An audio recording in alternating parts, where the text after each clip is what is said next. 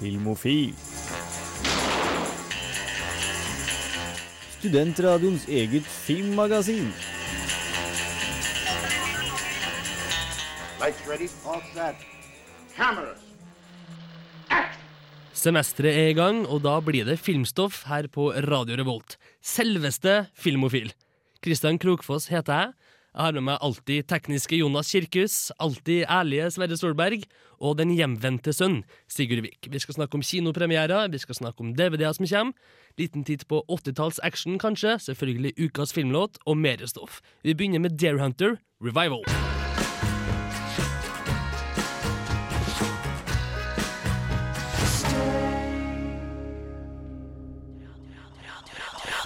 Revolt. Eh, revival der med Dare Hunter. Filmnyheter, Sigurd Viken, noe du alltid er opptatt av. Velkommen tilbake. Takk skal du ha. Filmnyheter er selvsagt eh, noe av det viktigste nyhetene en kan få i seg. Og eh, skal vi fleske til med en eh, virkelig godbit fra den norske filmfronten her. I gårsdagens, jeg tror det var Dagblad, muligens VG, kunne vi lese at Fleksnes Fleksnes. Eller, eh, ja, kjent eh, figur, eh, også kjent som Rolf Wesenlund, eh, sånn på, på det ordentlige navnet. Han advarer mot bransjefyll. Ja. Altså, Det er nok et utsvevende liv der i underholdningsbransjen, tydeligvis.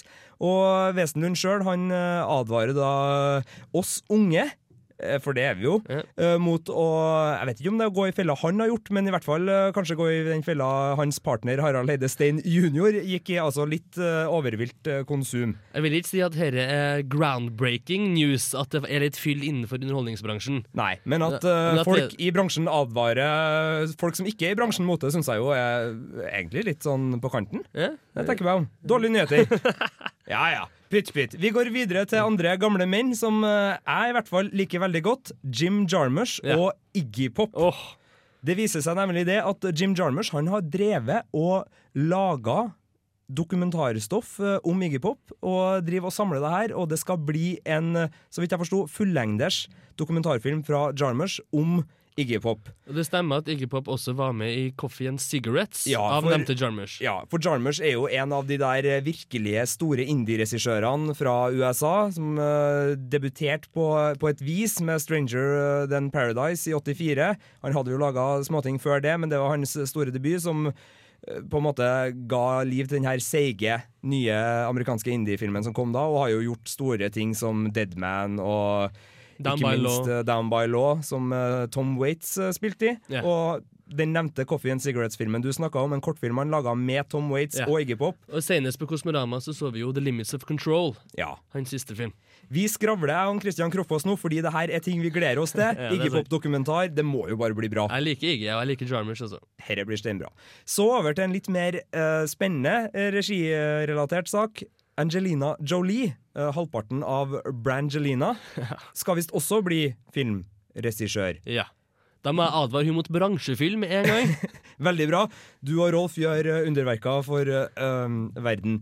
Men eh, det var vel en, en kjærlighetshistorie. Altså, Jonas, Kir Jonas Kirkhus, hjelp meg litt her. Du, du var også klar over denne nyheten? Ja, Ifølge et nytt intervju så er vi og å drive og lage en film allerede. en kjærlighetshistorie fra Bosnia, som hun også har skrevet sjøl og skal regissere. Oi. Manus og regi fra Angelina Jeg føler på en måte at de driver og bygger ut det her ekteskapet sitt og blir et slags adopsjonsbyrå slash uh, filmbyrå slash uh, litteraturhus. Jeg vet ikke helt De hvor de har tenkt å mye, stoppe. fall. De gjør det. Noen vil si for mye, kanskje. At de skal konsentrere seg om en av tingene, så de ikke blir halvveis. Det er nok eh, gode råd nok en gang fra Krokfoss, som advarer mot bransjefyll og det å gape for høyt. Men skal vi gape sånn passe og spille litt musikk istedenfor? Selvfølgelig. The Sword, Tres Brojas.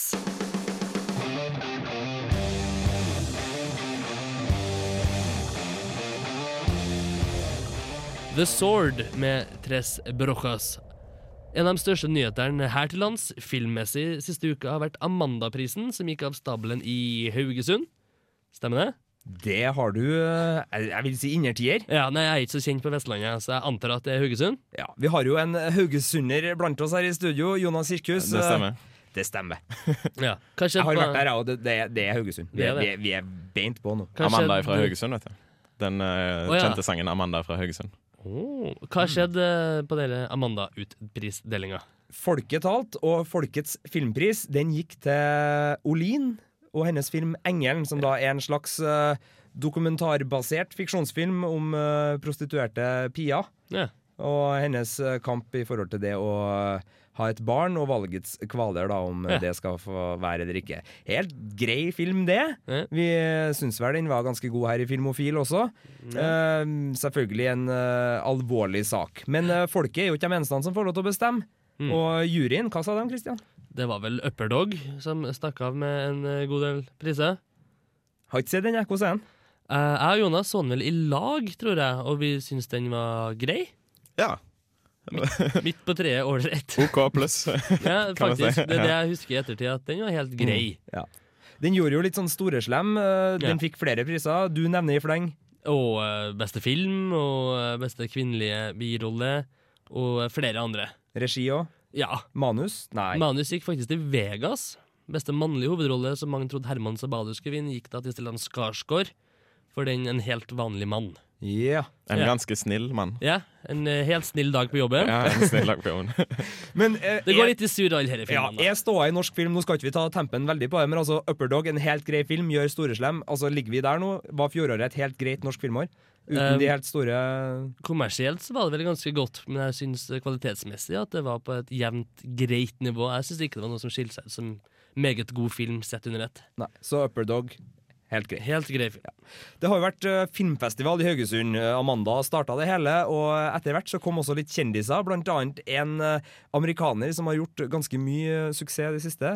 Michael Cera, som har vært i Superbad, blant annet. og- Arrested Development. eh, Arrested Development. der han, eh, Meget det god serie. er helt riktig. Og hva den der kjærlighetsfilmen uh, han, Nick eh, Norris Infinite Playlist. Godt mulig. Der er du på indiekjøret, merker jeg. Juno. Juno, ikke minst. Også fy fader, for en indiefyr. Ja. Men det som skjer, da, er at jeg har jo vært i Haugesund eh, under filmfestivalen, og det var kjente folk der, men det var ikke noe sånn at jentene tok til gatene. Du som haugesunder, har du opplevd mange ganger at, at jentene tar til gatene i Haugesund? Eh, faktisk ikke. Nei. Eller, Sist jeg kanskje opplevde det, det var når Pierce Brosnan kom på besøk og var James Bond. Mm. Da var de gjerne litt eldre. Litt eldre. De var ikke 14, liksom. De var kanskje i 20-åra, de som hylte. Ja. Men fjortisene tok til gata i Haugesund eh, denne gangen. Haugesund har et bra sånn, litt sånn nerde-slash-indie-miljø. Eh, mange av bandene som spiller der, er i den sjangeren òg, så jeg tror eh, han er midt i blinken for Haugesundsjentene. Ja, nei, jeg jo satt og tenkte tenkt litt Jeg følte bare det var, det var veldig naturlig. Jeg vet ikke, altså jeg kommer jo fra Klæbu. Eh, Vi har jo ikke filmfestival, vi hadde dyrepark eh, for noen eh, år siden. Men jeg tror liksom hvis Michael Sarah hadde kommet til Klæbu, så hadde det ikke vært sånn her Det hadde kanskje vært litt mer eh, tre stykker på butikken som kanskje ville ha autografen. Jeg kan se for meg typisk gutta. Eh, men Haugesund, der er det som du sier, litt mer, kanskje litt mer indie-kred der. Og, og jentene da tar til gatene og fotfølger den her spjælete lille amerikaneren som har forvilla seg til norsk Vestland. Yeah. Var det det du skulle frem til? Ja, mer eller mindre. Jeg visste også at eh, de aller fleste riksavisene hadde jo storoppslag kun med Michael Cera fra samme pressekonferanse, så tydelig at han har truffet en slags nerve hos ungdommen, kanskje. Ja, og jeg må ærlig innrømme, jeg syns han er en fortreffelig skuespiller. Jeg syns han er skitartig. Ja, han er faktisk ganske artig. Ja. Så vi hadde også vært på gata i Haugesund hvis vi hadde muligheten, hadde vi, Kristian? Det vil jeg anta. Ja. Han er vel snart klar med filmen Scott Pilgrim versus The World. Den har ikke kommet ennå. Den kommer 1. oktober her til lands, og vi skal litt tilbake til den Ja, eh, er senere i sendinga, men uh, vi skal holde opp på pinnebenken uh, i forhold til hvorfor vi skal dit. Etterpå skal vi høre mer om The Expendables, det nye storprosjektet til Sylvester Stallone. Før det så blir det Thelman Clyde og Salvador Sanchez. Crosscheck!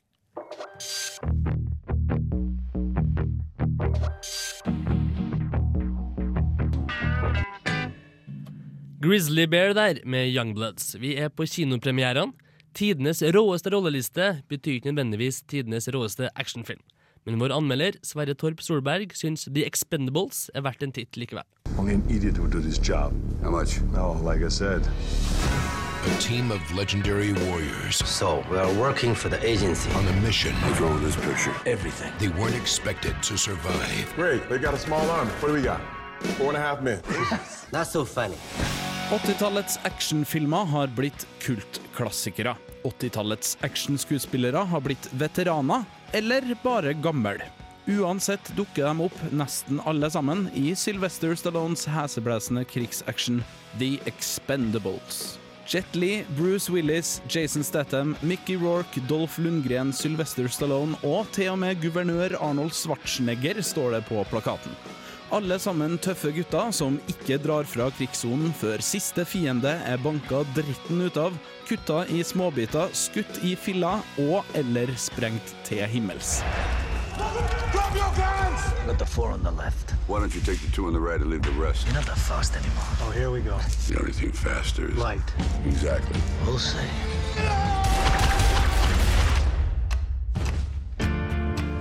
The Expendables er først og fremst en homasj til det gladvoldelige 80-tall. Det kommer til uttrykk gjennom bl.a. lunkent actionskuespill med flere eksplosjoner enn replikker, og en syltynn historie. Pluss selvfølgelig jungel.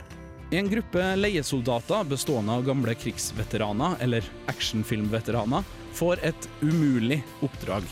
De må dra til en liten øy i Latin-Amerika og fjerne en grusom diktator som tyranniserer lokalbefolkninga. Diktatorens enorme hær har selvfølgelig en ting eller to de skulle ha sagt om amerikanernes inntog i landet, men med en god dose kløkt og en enda større dose eksplosiver skal nok Stallone og co. like fullt gjøre sitt beste for å legge det lille landet i ruiner. Eller frigjøre det, da, som de sier i USA.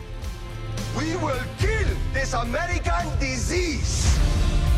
I promised myself I want to die for something that counts.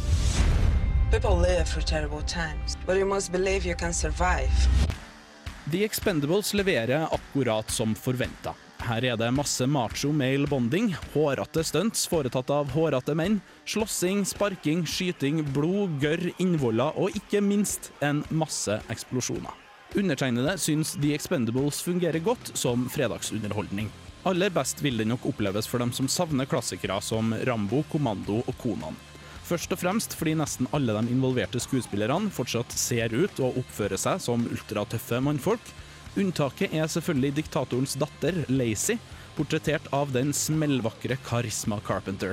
Terningen lander på tretallet for The Expendables. Jeg ble underholdt, men filmen er for full av dårlig skuespill og forutsigbare vendinger til å havne høyere. Det er likevel én ting jeg gjerne vil understreke. Når så mange gamle actionstjerner samles på lerretet, er det verdt å få med seg. Uansett. Samtidig er det vanskelig å ikke trekke paralleller mellom virkelighetens Expendables og leiesoldatene i filmen. Kanskje har det gått så langt at Stallone og co. virkelig er villig til å gjøre hva som helst, så lenge betalinga er god nok. Are you crazy? Could have killed me! You're welcome! Every one of us is expendable! Yeah, bro, man. Så det er underholdningsfaktoren som står i fokus her, Sverre Torp. Det er høy underholdningsverdi eh, i filmen, Ja. eh, men eh, noe god film, sånn film, hva skal jeg si, filmteknisk og pent å se på, sånn, egentlig ikke spesielt. Nei, men dette er kanskje noe som også var kjennemerket for denne type filmene fra 80-tallet. Ikke sant? Som den er en omasj til. Og jeg merker det er en del spørsmål som eh, reiser seg når jeg hører du snakke om den filmen her. Jeg skal ha svar på noen av dem, eh, Sverre, men først så må vi vel eh, ha litt av filmmusikken. Guttene er tilbake i byen. Finn Lizzie.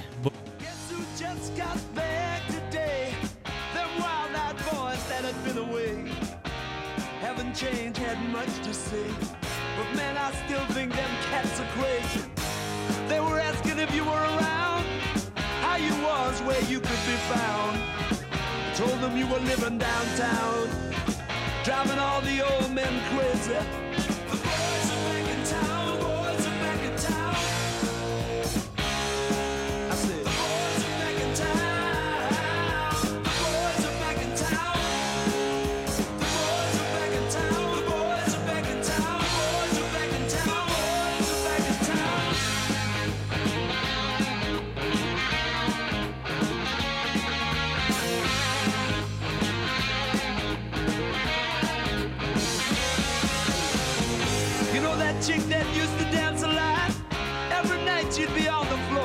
What she'd got.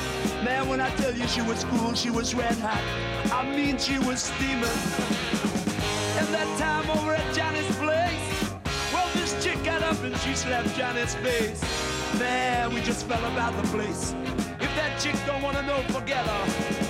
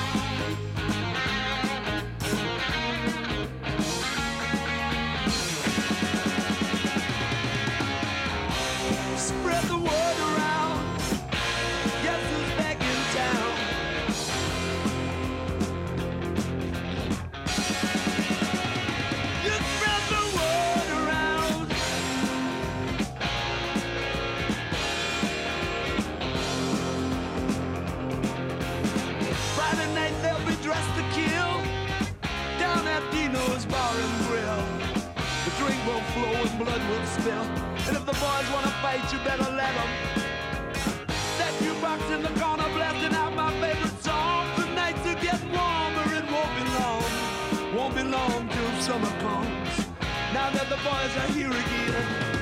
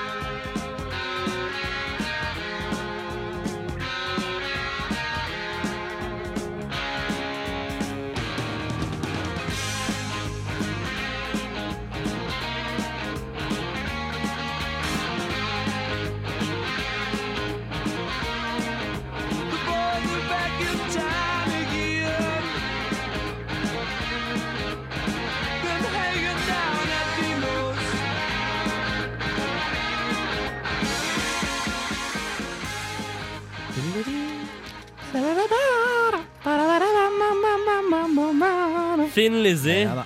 The Boys Are Back in Town, som uh, da er i eh, forbindelse med The Expendables, den siste storfilmen med de siste storkarene.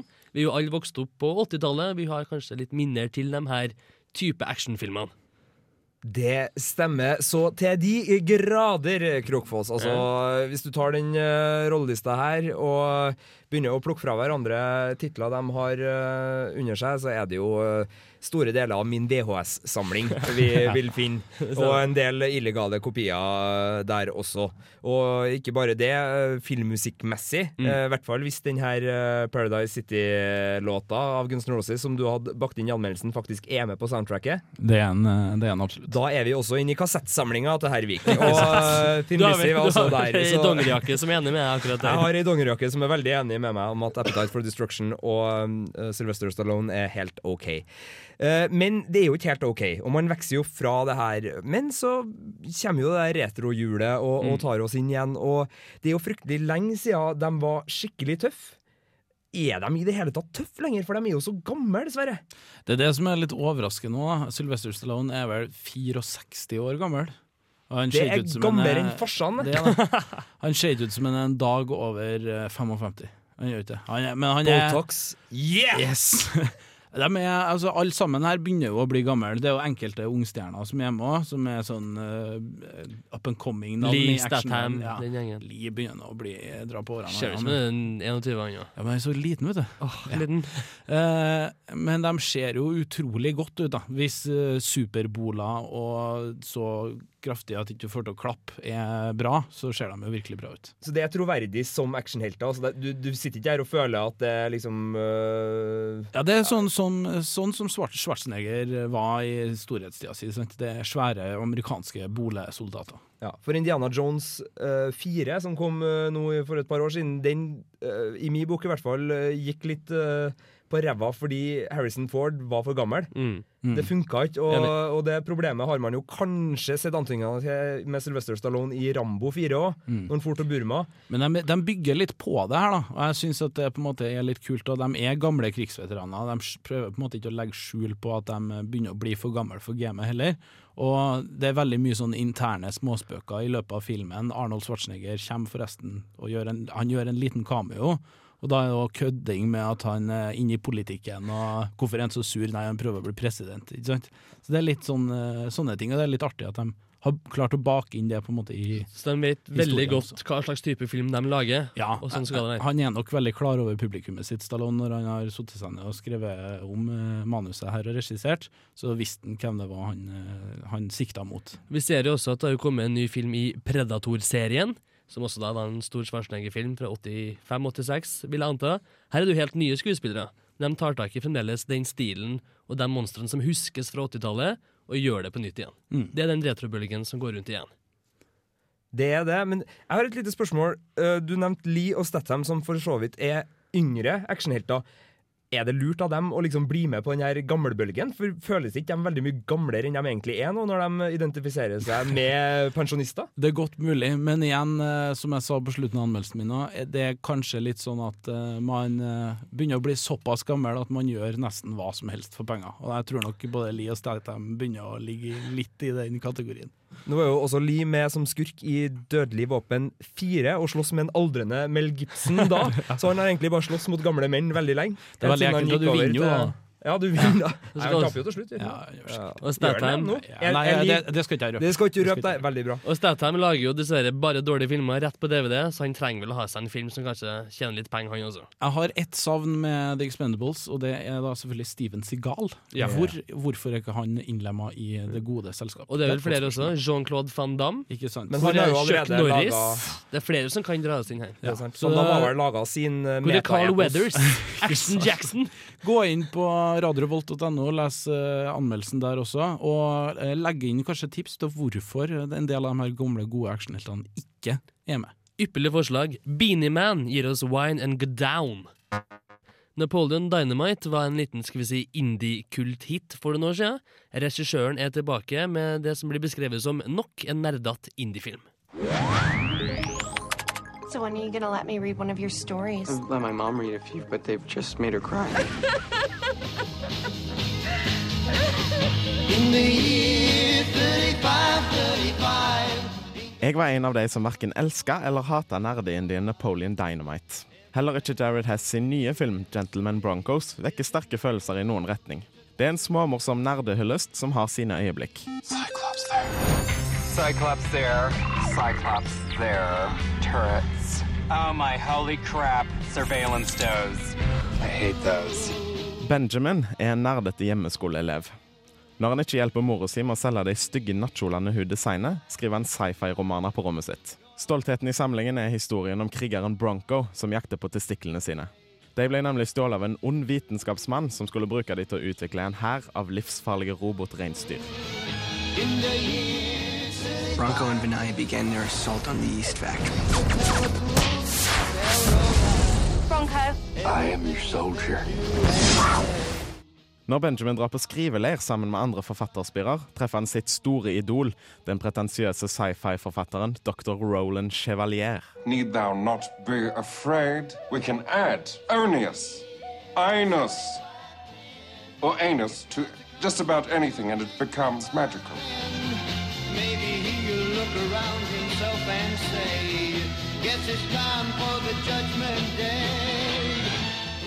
I desperat mangel på inspirasjon stjeler Chevalier Benjamins historie om Bronco og gir han ut under sitt eget navn. Samtidig treffer Benjamin ei jente som ikke bare er vakker, men som òg kan hjelpe han med å få laga film av materialet sitt. Oh my gosh, is that the new Chevalier book? You stole my story. Awesome. All you did was change the character names and turn Bronco into a tranny. This is ridiculous. Gentleman Broncos er en hyllest til alt som er grelt, kitsch og nerdete. Både klær og karakterer er gjennomført stygge, og en ser at det er brukt penger på å få det til å se billig ut. Den gode klipp- og lim-entusiasmen fra Be Kind Rewind og de passe motbydelige karakterene fra Napoleon Dynamite finnes òg her, men presenteres på en mye mer påtrengende og ekkel måte, som en blir relativt fort lei av. Filmen mangler litt dybde og sammenheng, men blir delvis redda av Jermaine Clement, som spiller Dr. Chevalier, som er filmens utvilsomme høydepunkt og den eneste jeg ler høyt av. Fremtidens birollekonge.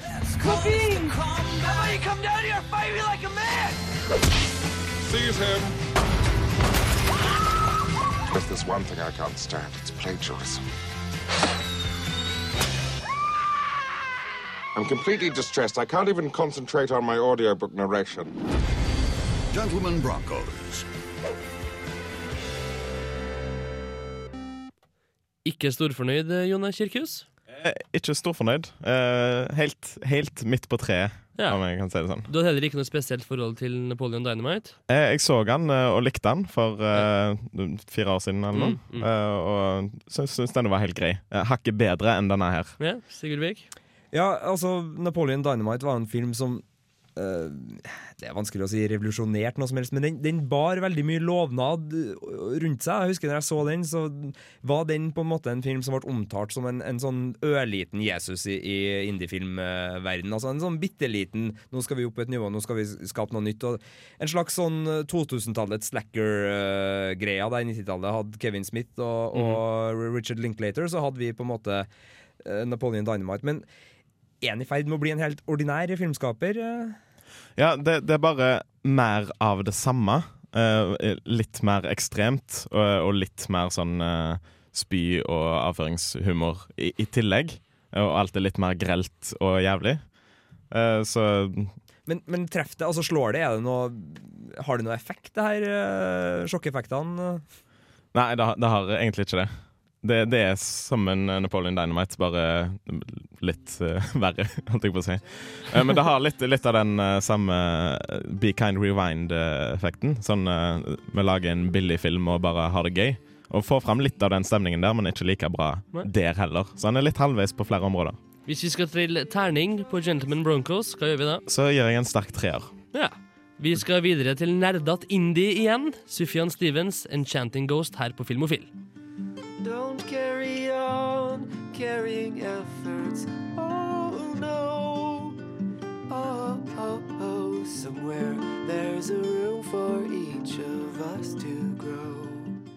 Neil Young, 'Motorcycle Mama'. Før det fikk du Sufjan Stevens. Neil Young er Du hører på Radio Revolt, studentradioen i Trondheim. Neil Young er mannen jeg hører på når jeg ikke vet hva jeg skal høre på. Nei. Og du hører på Radio Revolt nå, altså? Det som fikk du sikkert jeg fikk jeg soleklar beskjed om. Filmofil er programmet.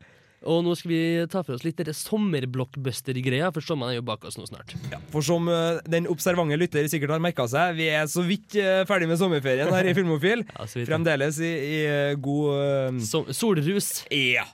Og sommertid er blockbuster-tid fordi at det er 4. juli i USA, og det er store helger med masse inntjenings. Tradisjonelt veldig, veldig innbringende kinohelger. Og det fører til at de legger de her uh, sommerkalkunene sine og andre godbiter til den høytida. Jeg vet ikke, Er det noen som har sett noe eh, av de storfilmene eh, denne sommeren? Det er jo Inception som er den kanskje største filmen som har gått i sommer. Ja. Som jo alle har sett. Solberg, Solberg en, Sommersol, Sverre Torp Solberg inn i studio og klapper til Inception. Hva yes. Fortell oss. Nei, jeg vet ikke, jeg bare liker at uh, det kommer en ny eh, sånn eh, Matrix-film. det er et godt Så, så Matrix er et godt uh, blockbuster-minne for deg? Ja, faktisk så er det det. Mm. Sånn når jeg har sett den i ettertid, så tenker jeg at det er kanskje ikke den beste filmen jeg har sett, sånn sett, men jeg syns det er litt uh, kult at det går an å ta opp litt sånn eksistensielle spørsmål på en Hollywood-måte. Sånn at på en måte alle forstår det. Og det er litt jeg føler kanskje Inception er litt mer intens enn Matrix, sånn sett. At det er litt flere lag, og du må følge med litt mer intenst for å få noe ut av det. Men eh, i, i det store og det hele så er det en uh, kompleks historie fortalt på en enkel måte. Og det er tøft.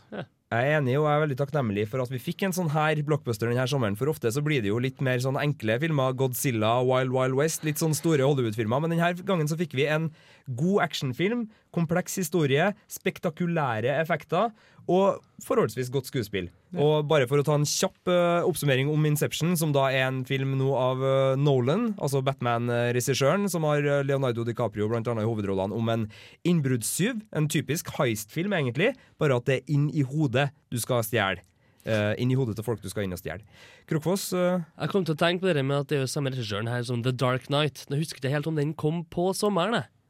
For det håper jeg han gjorde, for det er mitt store blockbuster-minne. Kom den før jul, så var det kjempejul. Jeg husker at den i hvert fall kom om sommeren i USA, for jeg så den på premieren i, i Canada. Ja. I da, da er vi rett inn i blockbuster, for det er jo nettopp sommer Ja, i USA sant, som er grunnen til det her. Personlig så har jeg nok Independence Day som den store på en måte Husker godt når den kom, ja. Det var veldig mye blest rundt den. Ja. Jeg syns da det var en besett underholdende film. Jeg så den igjen, og den er ikke veldig bra, men den er besett underholdende. Ja. Det er en utrolig kurant sak eh, med Will Smith, det der. Jeg vil gjerne avrunde med min, eh, en av mine gode minner fra tidlig, fra tidlig tenår, blir det vel. Eh, Det, og det er Toy Story fra 95. Hva det? Eh, og apropos det, så er jo faktisk Toy Story 3 på trappene. Jeg foreslår at uh, Du har sikkert sett den, tror jeg. Jeg har nok ja, det. ok, men Da tar vi kanskje prater litt mer om den etterpå. Før det så går vi til Bruce Springlestein som synger I'll Work For Your Love her i Filmofil. Radio Revolt.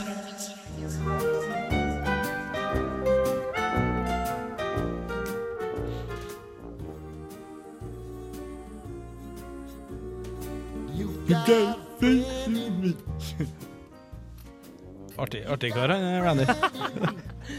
du òg, Sverre Trøfsjølberg. Takk. Randy Newman der, altså. Ja, det er det. det er kanskje en type musikk som mange folk kjenner igjen. Ja, det vil jeg tørre påstå. I I hvilken sammenheng er det, Sverre Solberg? Nei, Jeg har laga mye filmmusikk, da. Så det, det temaet her er kanskje mest kjent igjen fra første Toy Story-filmen. som kom i 95. 95. Og oppfølgeren kom vel bare eller lange fire år etter Toy Story 2. Ja. Også kjempesuksess. Nå har det gått elleve år. braksuksess. Og elleve år har gått, og nå kommer det en treer som til og med er i 3D, for alt jeg vet. De satte jo på en måte litt standard i 95 med dataanimasjon og, og var tidlig ute med det. Jeg, jeg tror ikke det var så fryktelig mange som var før det. det kanskje dere vet tror den var litt sånn groundbreaking i sin tid, ja. Ja. Det har ikke vært så groundbreaking med 3D. Men pass på mikrofonen, Kristian. Vi sitter, vi sitter i studio, vet du. Nei da, det har gått lang tid, både i filmens verden og i virkeligheten. eh, Elleve år. Og Andy har da blitt eh, voksen, hvis dem for dem som husker Andy, altså han kiden som har det lekene. Barnet. Barnet eh, har blitt voksen, skal av gårde til college. Eh, og det er også mange år siden han da selvfølgelig har leka med Woody og de andre lekene sine. Buzz Lightyear. Buzz Lightyear, ikke sant. Og potethode. Mr. Potato. Head. Yes, mye artige folk der. Karakterer. Dinosaur og Karakterer. Eh, Så hva skal han gjøre da? Skal han kaste lekene, eller skal han gi dem til lokale barnehagen? Eh, Det er jo da spørsmålet som stilles i Toy Story 3, og som på en måte er utgangspunkt for denne historien. Don't you get it? We're finished. Obsolete. Over the hill. Now, come on, guys. We all knew this day was coming. We're getting thrown away. No, no one's getting thrown away. We ain't ever getting played with. Hold on. This is no time to be hysterical. It's the perfect time to be hysterical. Should we be hysterical? Now, yes. Maybe, but not right now. Come on, let's see how much we're going for on eBay. Det handler da er selvfølgelig, som alltid i Disney Pixar-film, om vennskap og Ja, kjærlighet. deilig. Eh, og tro på seg sjøl og vennene sine. Så det er jo ikke noe nytt eh, sånn sett. Men eh, det er også en fryktelig fin historie, sjøl om vi på en måte har opplevd det før med både tegnefilm og sånn animasjonsfilm de siste årene. Og så handler det selvfølgelig også litt om det å bli voksen og det å lengte tilbake til en bekymringsfri barndom. Mm. Så det er en, en film som jeg anbefaler på det sterkeste, faktisk, både til barn og voksne. Eh, og spesielt hvis du har unger, da, så er det jo kjempefint å, å gå og se på. Ja. Mm. Hadde du innspill her, Sigurd Vik? Nei, det er jo bare 3D. Ja.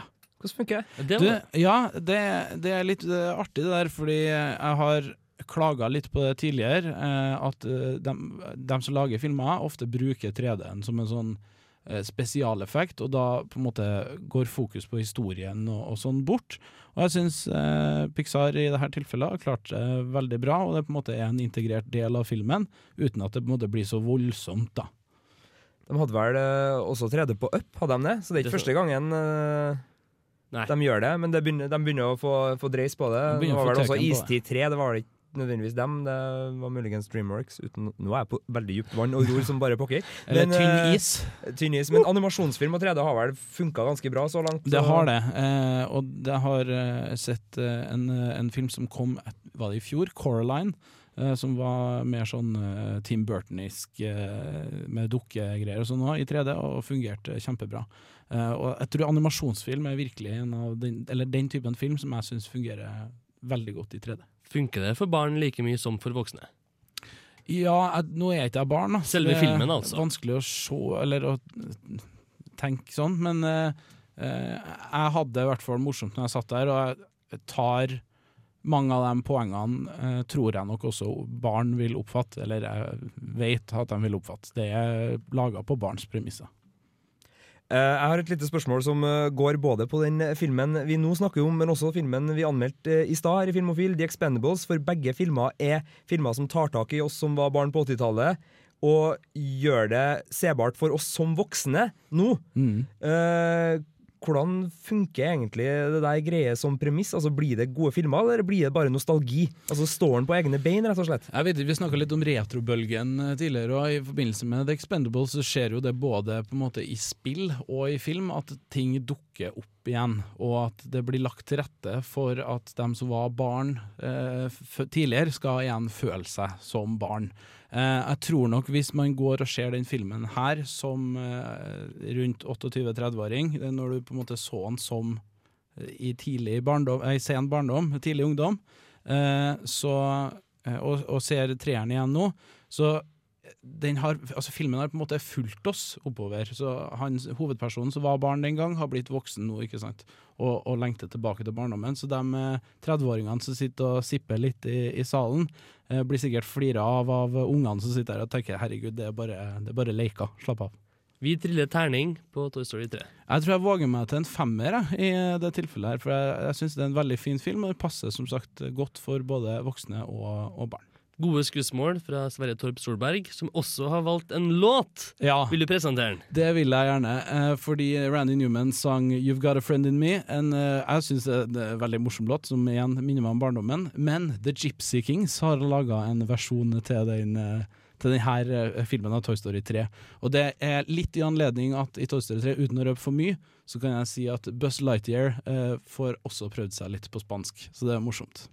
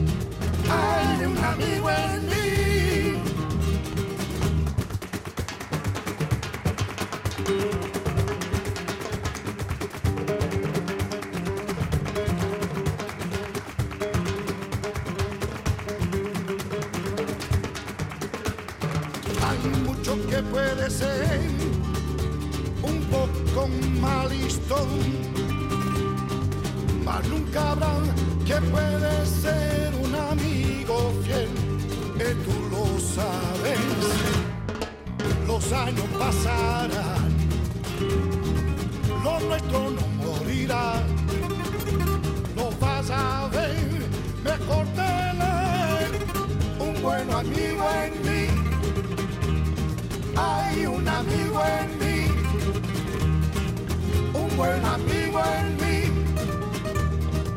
Hay un amigo en mí.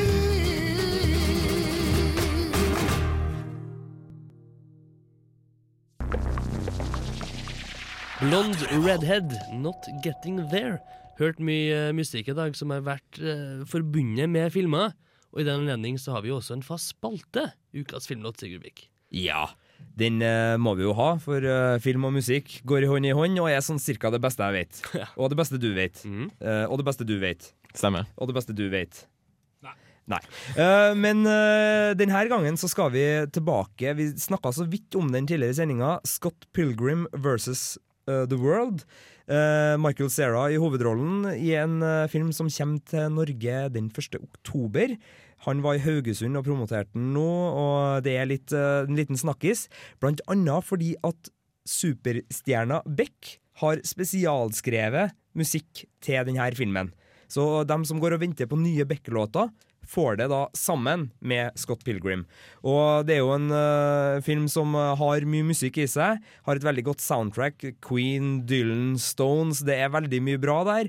Et annet band som også har eh, levert musikk eh, til filmen, er Broken Social Scene. Et uh, kanadisk indie-orkester av eh, ganske kraftige dimensjoner, med, med ganske mye lyd og mye medlemmer.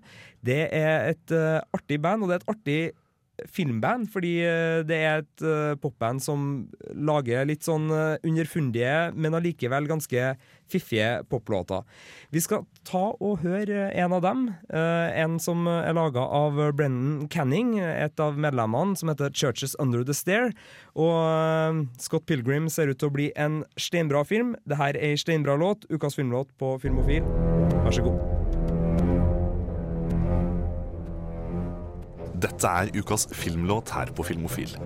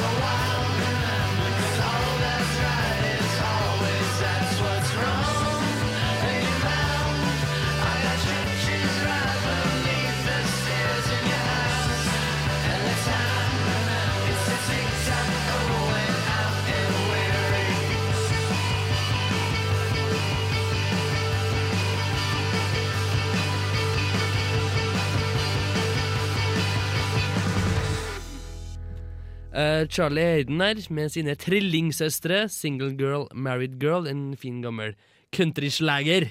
Vi har vært gjennom kinopremierene, og da er det DVD-hylla som står foran oss. Eller eh, Blu-ray-hylla for dem som har eh, penger til sånt. Eller VHS-hylla for dem som ligger ja, Det kommer ikke ut noe nytt. Jeg tror, gir dem ikke VHS lenger, gjør de det? Hvis det ikke er sånn underground?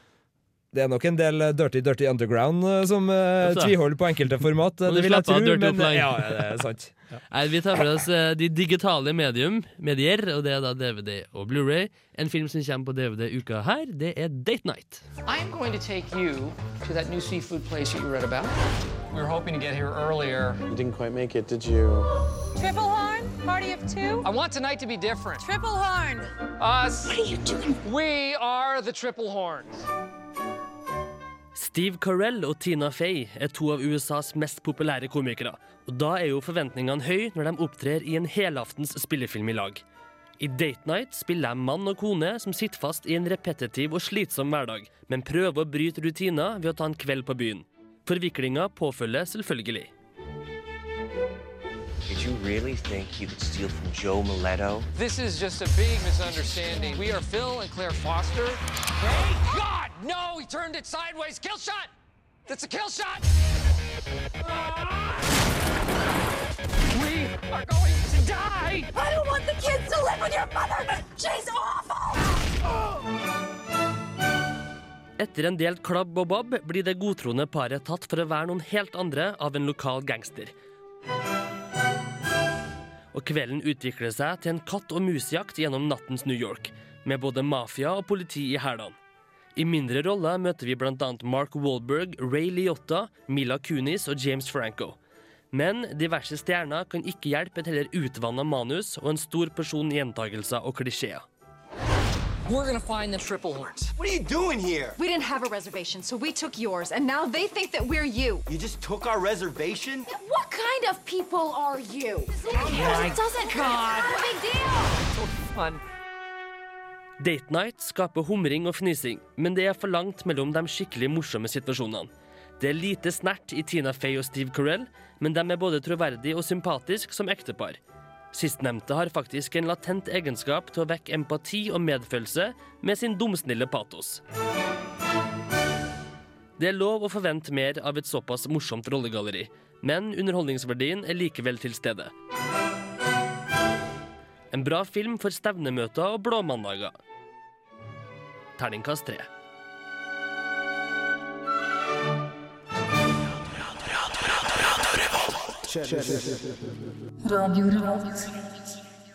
Society av Eddie Vedder. Vi snakker om DVD-hyllene her i Filmofil. Etterpå skal vi høre litt om Book of Eli med Sigurd Vik. Før det Clash of the Titans.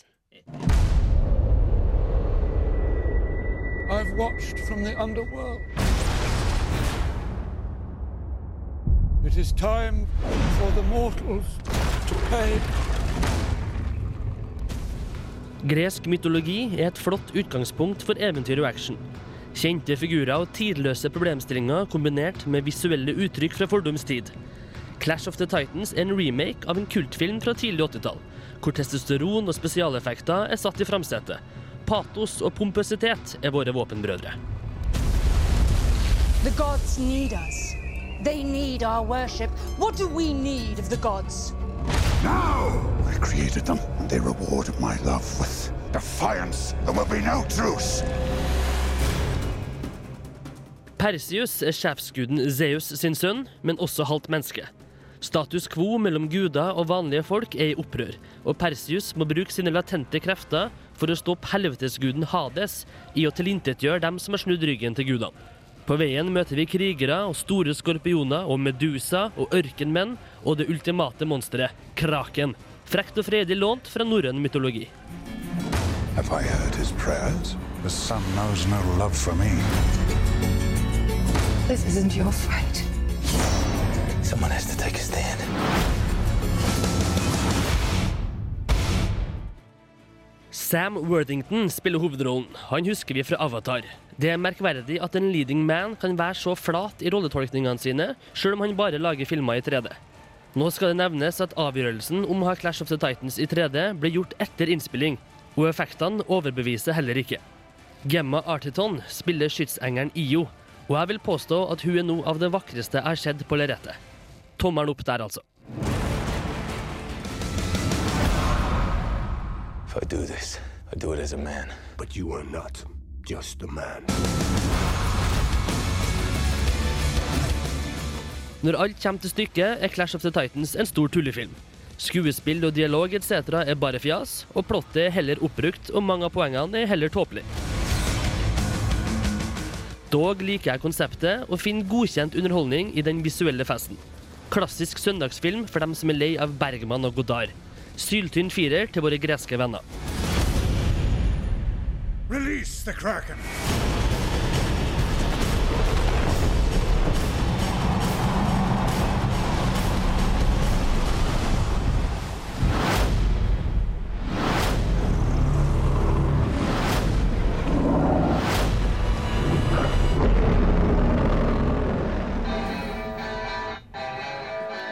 Houses of the Holy med supergruppa Led Zeppelin der fra det fjerne 70-tallet, Sigurd Vik. Ja, og bare et lite filmtips til dem som er steinglad i Zeppelin. Det har kommet en eh, liten dokumentar uh, som heter It Might Get Loud, som handler om uh, Jack White, The Edge og Jimmy Page. Der de sitter og deler litt gitarhemmeligheter og prater gitar, samtidig som de uh, spiller litt plater og tar oss med hjem på, på rommet og inn i øvingslokalet. Og litt artig sak for dem som er glad i musikk og film. Ikke filmatisk sett noe høydere, men uh, mye god lyd og litt artig å se guttene stå og jamme. Altså- Personlig så må jeg bare si at The Edge er forferdelig, men uh, ja. Skal nevnes at det da er tre generasjon gitarister fra Zeppelin, U2 og White Stripes. Spennende kombinasjon. Veldig. Men det er flere DVD-er eh, og Blu-ray i hyllene. Videohyllene er smekkfulle, og eh, den eh, uka som kommer, så får de besøk av The Book of Eli, en ny film med Denzel Washington som ja, en slags vandrende Han er ikke så mye actionhelt denne gangen, men litt actionhelt er han. Det er faktisk en uh, katastrofefilm. En sånn postapokalyptisk uh, sak. Det har vært uh, ja, La oss kalle det atomsmell eller et eller annet katastrofe. Litt sånn Madmax-aktig. Det har skjedd et eller annet galt, og verden er wasteland. Vann er dyrebart, byer er få, og det er mye, mye gåing, da. Mye vandring, Ja. heter det. Vandring. Og før det her uh, apokalypsen hadde inntruffet, så hadde det blitt veldig eh, dårlig stelt med bibler. Så uh, The Word er populært, og Denzel han har en bak i sekken som han får å vandre med, som han skal en plass med. Og så er det folk som prøver å få tak i den her, da. Ja. Gary Oldman spiller skurken, Mm, som da er også sjefen for en by. Prøver å få tak i den her bibelen. Og Tom Waits gode, gamle Tom Waits har en eh, sånn skraphandlerrolle som er ganske fornøyelig. Er filmen god? Midt på treet, fordi at Denzel Washington er ikke sterk nok til å bære en film alene på den måten. Altså Nei. Will Smith har prøvd, lyktes ikke i I Am Legend. Nei. Og det her blir litt Denzel Washingtons greie. Han må bære filmen i litt store strekk alene. Det funker dårlig. Men han har eh, Er det Mila Kunis hun heter, hun søte unge jenta? Han har eh, Gary Oldman, Tom Waits i biroller, men allikevel så lener filmen seg litt for mye på Denzel Washington, som jeg mener detter igjennom. Det betyr ikke at det er en dårlig film. Den har eh, en god stemning, altså det er et fint univers som portretteres. Tom Waits som skraphandler, kjempeartig. Men eh, ja, den blir litt eh, langdryg. Er du glad i sjangeren? Ja.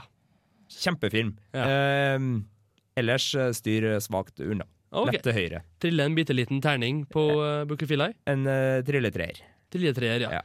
Vi skal prate litt om nedlastningsfenomenet etterpå. Først Teaspoon and the Waves og Yesto Wetto.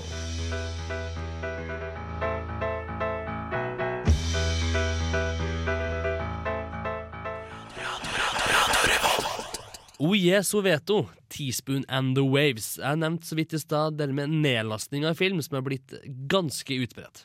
Ja.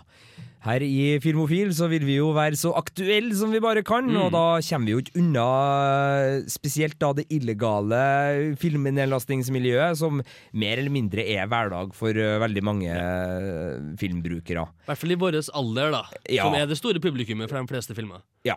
Det er det. Det er et uh, forholdsvis kjøpesterkt øh, publikum som er blodgjerrig, for de har andre ting å bruke pengene på, så derfor så lastes det ned. Ja. Uh, vi skal selvfølgelig ikke uh, på noe som helst vis godkjenne den aktiviteten, men det er likefrem et faktum. Ja. Og det som er interessant å se på da, er hva slags filmer er det som lastes ned, og hva er det som dominerer.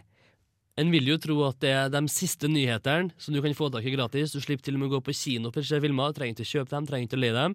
Så De siste, tøffeste filmene er ofte dem som kanskje lastes ned oftest. Sånn har det vært før, i hvert fall. Ja, og sånn er det jo selvfølgelig enda. Nå skal det sies at veldig mye av det illegale nedlastingsmarkedet foregår på private trackere, der det er community som deler filmer seg imellom. Der har du nisjemarked, ulike trackere for f.eks. Blaxploitation-filmer, ulike trackere for øh, gamle, gamle Hitchcock-ting. Grøssere, Mm, ja. komedier. Men øh, et fenomen som kanskje har utbredt seg mer, er at på de store åpne trackerne à la Pirate Bay, Torrents uh, etc., så er det dem som laster opp filmer som kanskje er grunnen til at du ser den. Altså, Du går ikke og ser en film fordi du vil se en spesiell film. Du sjekker hvilke filmer som er tilgjengelig av dem som laster opp, som du vet laster opp i god kvalitet, for da vet du at du får god lyd. Du slipper øh, problemet med bildet, og du får generelt en god opplevelse. Og da igjen er det artig å se på hvordan filmer er det de driver og laster opp for tida. Og da ser man triologiene. 80-90-tallstriologier som dukker opp i hopetall nå. Veldig populær. Eksempel. Mad Max, Dødelig våpen, Die Hard, Indiana Jones, Star Wars. Tilbake til framtiden. Tilbake til framtiden med Michael J. Fox. Han husker jeg. Han husker du. Ma ja. Ghostbusters er- 1 og 2. Ghostbusters, Turtles. Masse av det her store, ultrakommersielle Fra vår ungdom og barndom, som vi har snakka om tidligere. 80-talls... den store 80-tallsfilmene. epoken. Altså, dem som er med i The Expandables, som vi har snakka om tidligere i dag, eh, som er en kinofilm. Schwarzenegger, Stallone eh, og Mickey Rourke og gutta Bruce der. Willis, Die Hard 1, 2, 3. Ja, dem, gammelfilmene deres, nytes nå av et ungt og nytt publikum. Mye fordi de finnes tilgjengelig i veldig gode samlepakker, tilbudt av pirater, rett og slett. Så snedig nok, eh, dagens unge filmpublikum får uh, fortida servert uh, i veldig fin emballasje, og det virker som de sluker rått. Hvorvidt herre er en positiv eller negativ ting for bransjen, er jo en diskusjon, men for filmopplevelsen og for spredning av film, så kan jo dette være veldig positivt. Ja, og det er i hvert fall veldig positivt for de store seriene. Nå ser vi jo at det kommer en del oppfølgere av de her seriene. Det har kommet en del. Eh, Dødelig våpen 4 kom jo så tidlig som i 98. Da var allerede Mel Gibson rukka å blitt en halvslapp eh, gammel grubbe. Men eh, vi har hatt Die Hard 4 for et par år siden. Vi har hatt Indiana Jones 4 for noen år siden. Vi får Robocop. Vi 2013 har jeg hørt. ja, vi får Mad Max. Riktignok heldigvis ikke med Mel Gibson denne gangen. De har vært og, og skaffa en ny eh, hovedrolleinnehaver, men gamle, gode George Miller er fremdeles regissør. Det skjer veldig mye. Vi skal prate mer om det. Ja. Men først Først skal vi selvfølgelig ha Subatomic Sound System her i Filmofil. Mer prat etter Bed Athletes.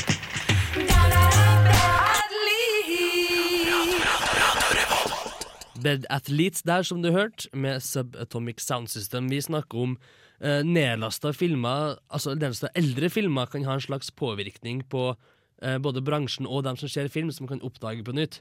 Her er ofte ja, 10-20 år gamle filmer som begynner å bli nedlasta i veldig stort tempo av mange. Hvis vi kunne lasta ned for 20 år siden, Sigurd Vik, hadde vi lasta ned filmer fra 70-tallet? Det er det som er litt uh, et spørsmål man, man stiller seg. For jeg føler jo på en måte at når uh, nå uh, ja, La oss ta en storbruker som Axo, en sånn populær uploader, presenterer ja, si Mad Max og Dødelig våpen-pakkene, da. Rambo, Rocky. Så virker jo det som filmer som har stått seg ganske godt, og som øh, er actionfilmer like gode som noen fremdeles i dag. Men de er jo 20 år gamle, mange av dem. Og som du sier, i 1990, når jeg egentlig ville ha sett Turtles Return of the Ooze, ville jeg da ha akseptert en, en actionfilm fra, fra 1970 eller der omkring? Jeg syns jo Easy Rider så veldig gammel ut. Ja. Uh, og jeg tror nok uh, at film, uh, film, det er jo, film er et ungt medium, og jeg tror nok de 20 årene fra 1990 til 2010 har ser, like, ser ligner mer på hverandre enn 1990 og 1970. Så jeg tror ikke vi hadde uh, det like, men det, det, er vanskelig å si. Kan være en smakssak, men det er kanskje noe teknologisk også. Mellom 70 og 90 så får du VHS, du får nye filmprosjektører på kino. Du får et mer digitalt medium og en større bransje, sånn sett. Kanskje det var et skifte der som gjorde at filmen ble mer uh, hva skal jeg si, profesjonalisert for ungdommen. Det er helt klart et uh, tilfelle. Samtidig så har jo elektronikken eksplodert fra, fra 90 til 2010. Virkelig. I mye større grad enn gjorde fra 70 til 90, med Men DVD, internett. Prinsippene er Ja, men jeg vet når, I 1990, når jeg var åtte år gammel, så hadde jeg veldig sansen for de eldre filmene. Og jeg så dem på TV, jeg tok dem opp, jeg fikk dem på VHS. Jeg var glad i 70-tallet og 60-tallet. Hadde jeg hatt muligheten til å utforske det på en type internett, så trodde jeg personlig at jeg hadde gjort det fordi jeg var interessert i å se tilbake. Og filmnerder vil bestandig være interessert i det. Ja. Men uh, For den tilfeldige publikum, for det gemene hop, så Ja, gjeng, det. har filmene kanskje utdatert seg på forskjellige måter, sånn sett. Vi tar, eh, skal vi kline til med en liten oppfordring til vårt publikum? Vi tar gjerne imot innspill på det her. Absolutt. Radiorevolt.no går det an å, å ta en titt på filmofilsida og eventuelt skrive ting. Eh, Er det filmofil at radiorevolt.no som er e-postadressa vår? ikke det? Eh, jeg antar har at det høres meget korrekt ut. Send gjerne en mail dit med noen synspunkter på eh, 20 år gammel film. Ser det veldig utdatert ut, syns du, eller eh, går det enda som gangbar mynt? Men god film det finner du fra de, fra de fleste tiår, altså. Herlighet, gi meg tatt av vinden når som helst. Debatten går her i Filmofil. Filmofil? Jeg er ikke filmofil. Filmofil er ferdig for i dag. Vi kan oppsummere kjapt eh, premierefilmer. Gentleman Broncos fikk terningkast tre av Jonas Kirkhus. The Expendables fikk terningkast tre av Sverre Torp Solberg, men Toy Story 3 fikk terningkast fem. Gå litt i surr med alle de tallene. Gå gjerne på radiorevolt.no oppdater dere der. Vi har også Facebook-side, selvfølgelig. Inn på eh, filmofil et eller annet slash facebook.com. Jeg kan ikke så mye om dere. Takk til Jonas Kirkhus, takk til Sverre Torp Solberg, takk til Sigurd Vik. Sjøl heter jeg Kristian Krokfoss. Vi avslutter med svenske Money Brothers, som har spilt flere ganger i Trondheim. Låta heter Blow Him Back Into My Arms. Fortsett å høre på oss her på Radio Revolt. Takk for oss. Ha det bra. Hei! Am I supposed by now just to let it go? It's been dark and empty since I don't know. My way downstairs, I had to turn back home.